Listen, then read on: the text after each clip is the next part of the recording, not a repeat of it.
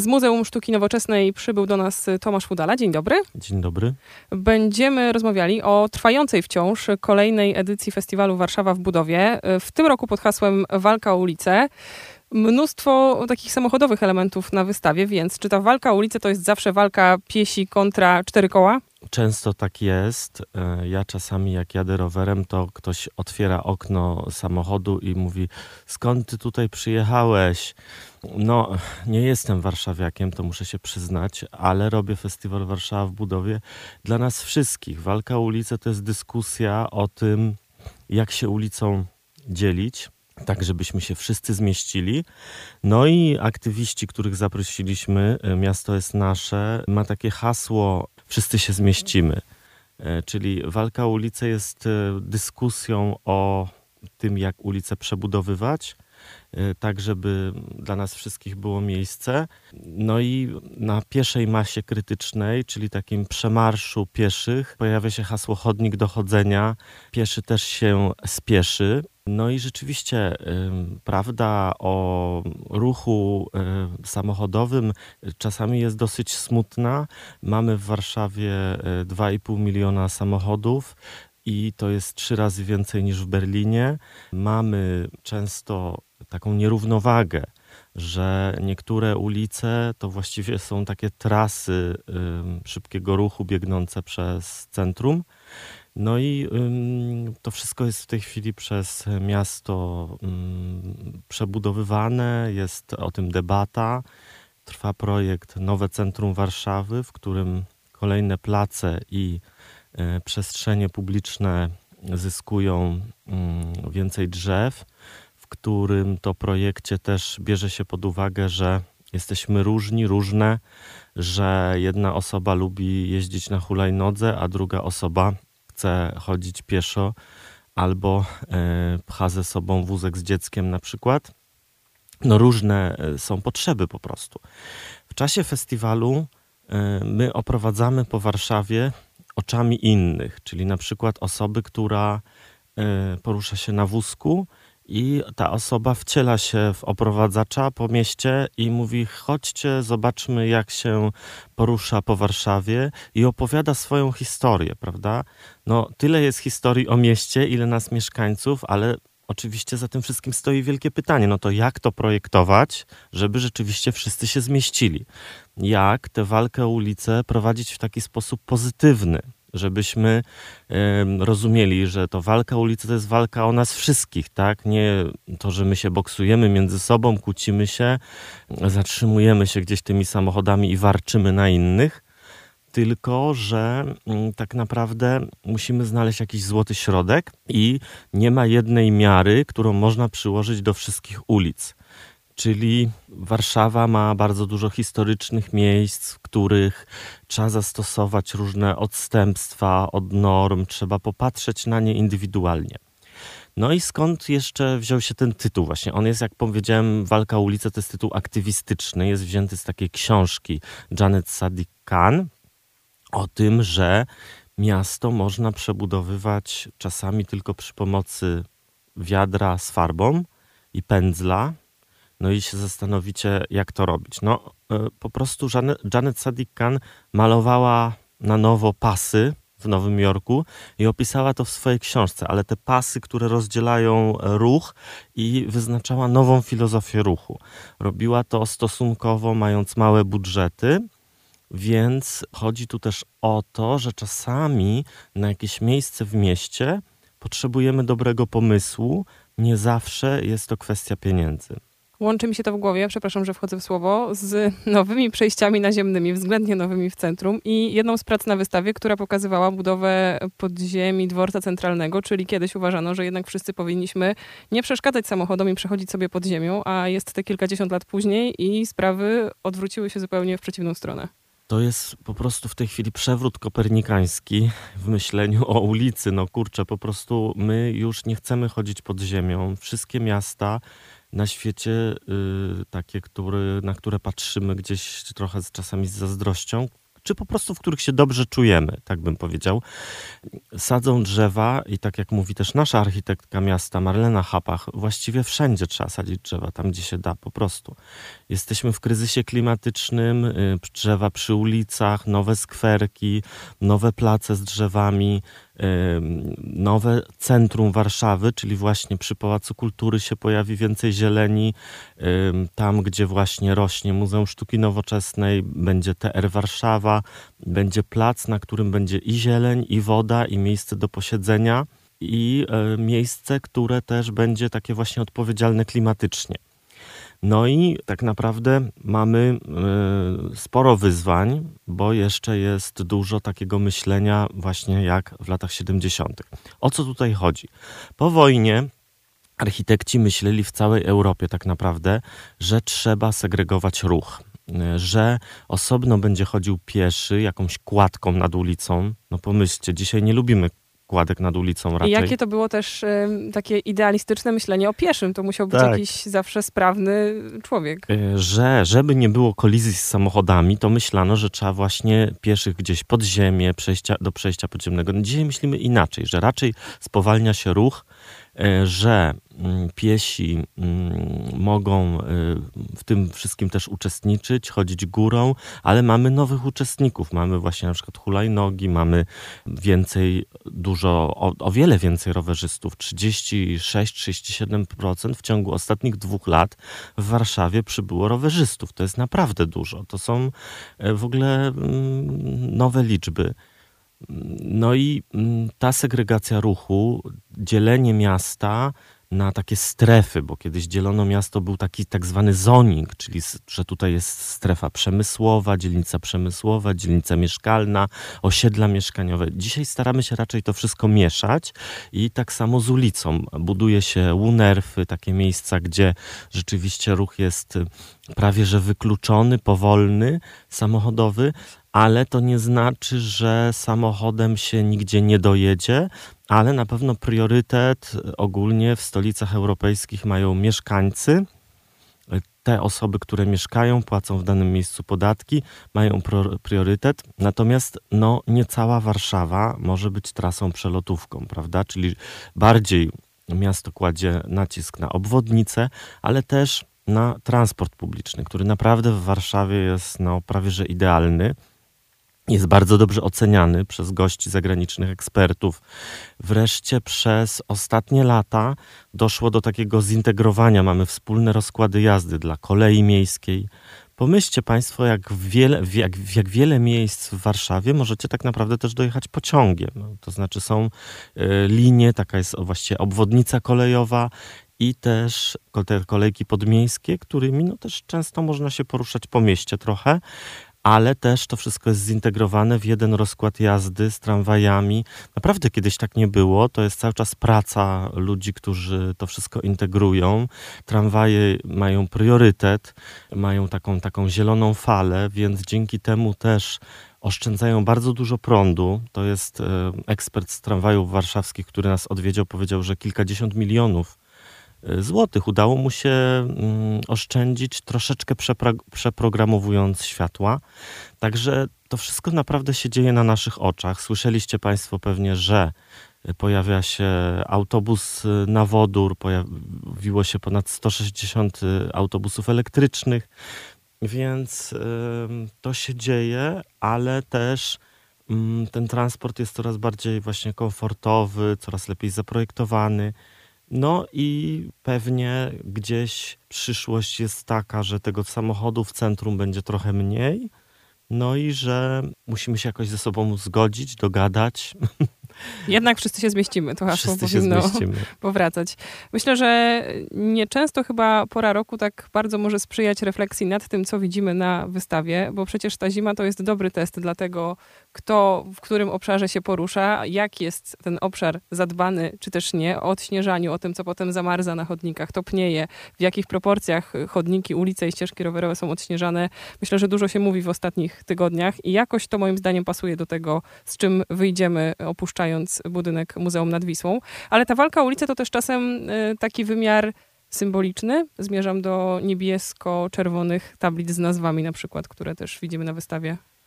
Mm, miasto to jest taka przestrzeń, w której, którą też trochę mamy w głowie. Mamy swoją psychogeografię w głowie, mamy swoją mapę miasta, miejsc, które lubimy, które jak o nich pomyślimy, to nas przyciągają i miejsc, w które raczej nie chcemy jeździć. I mm, to wszystko też jest związane z mm, nazwami, z czytelnością miasta. Y, błękitno-czerwony system identyfikacji, y, warszawski system informacji y, miejskiej zaprojektowany przez Jerzego Porębskiego Towarzystwo Projektowe już ponad 20 lat temu, świetnie się ma i on na tych czerwonych paskach, które są na dole tabliczek, zwróćcie na to Państwo uwagę, przywrócił nam do języka dużo takich rejonów historycznych, miejsc takich jak Szmulowizna, Mirów, miejsc, które gdzieś istnieją w języku i są takie najbardziej warszawskie jak Państwo patrzycie na te tabliczki, to właśnie zwracajcie na to uwagę, bo tutaj ten zespół przygotowujący je 20 lat temu właśnie przeprowadził badania nad tym właśnie, jaka jest też ta historyczna mapa różnych okolic i rzeczywiście y, Nowa Praga, Stara Praga, to są takie małe rejony, Gocławek, to są takie miejsca, które właśnie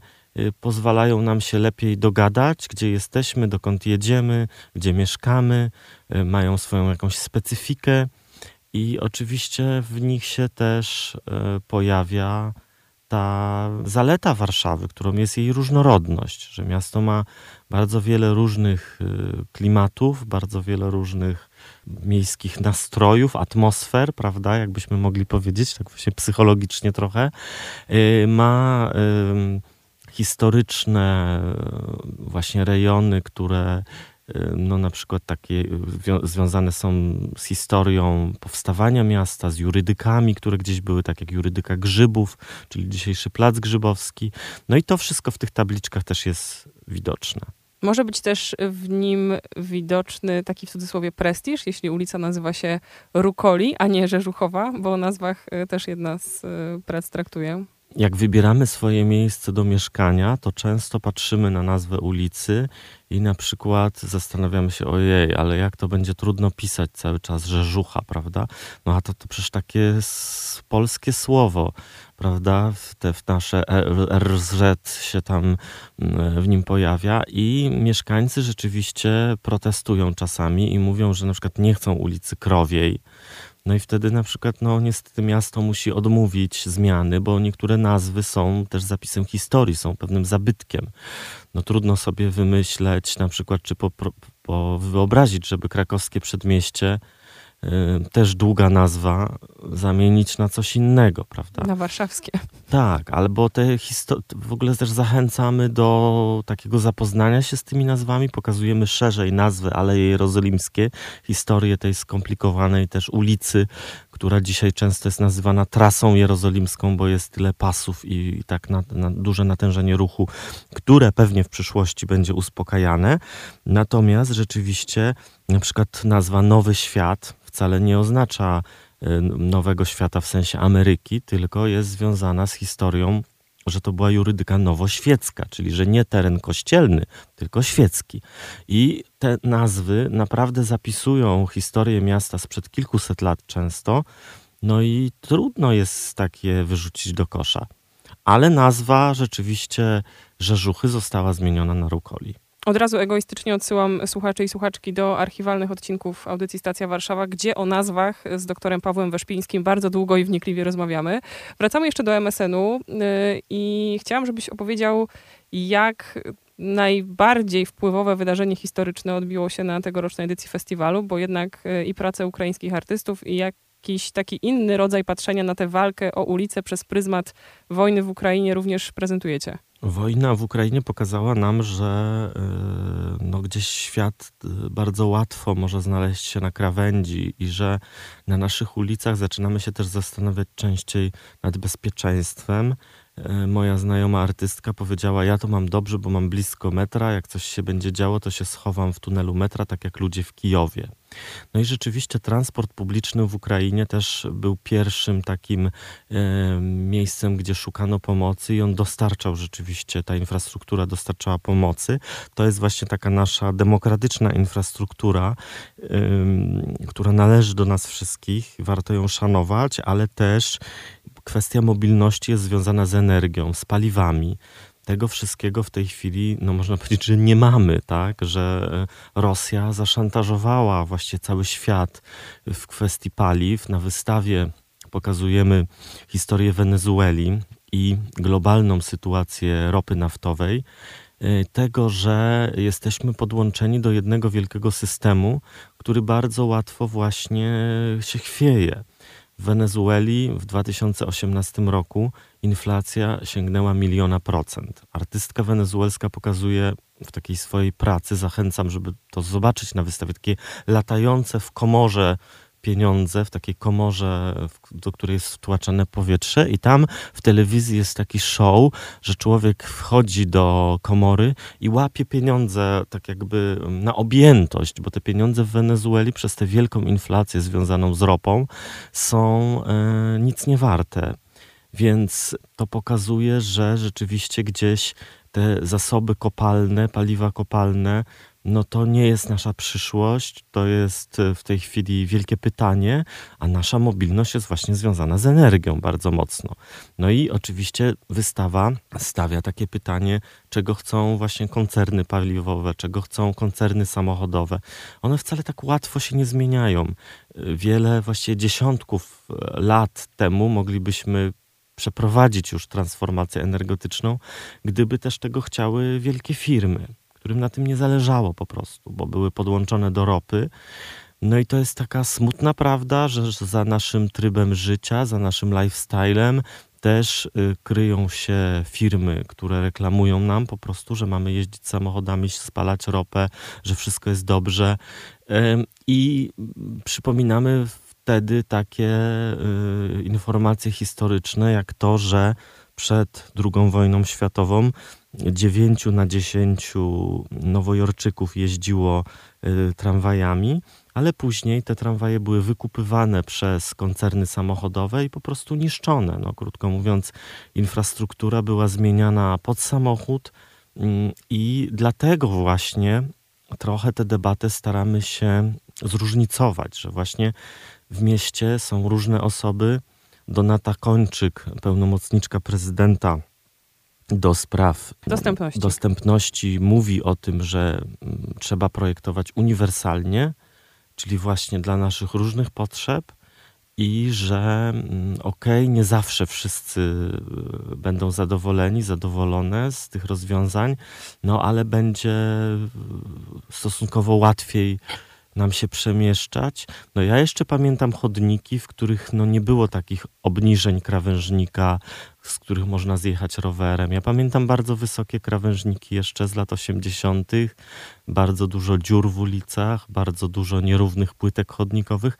Naprawdę żyjemy już w lepszym świecie teraz. I właśnie o to Cię chciałam zapytać, o coś dobrego, żebyśmy nie wychodzili z takim przekonaniem, że rzeczywiście o te ulice jednak musimy, jeśli nie kłócić się, to jakoś negocjować e, swoje prawo do przebywania w którejś z jej części.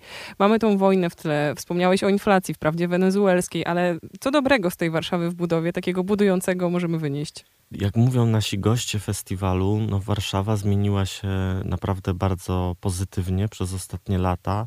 Tomasz Tosza, który mieszkał przez 20 lat w Warszawie, jest specjalistą do spraw transportu w Jaworznie.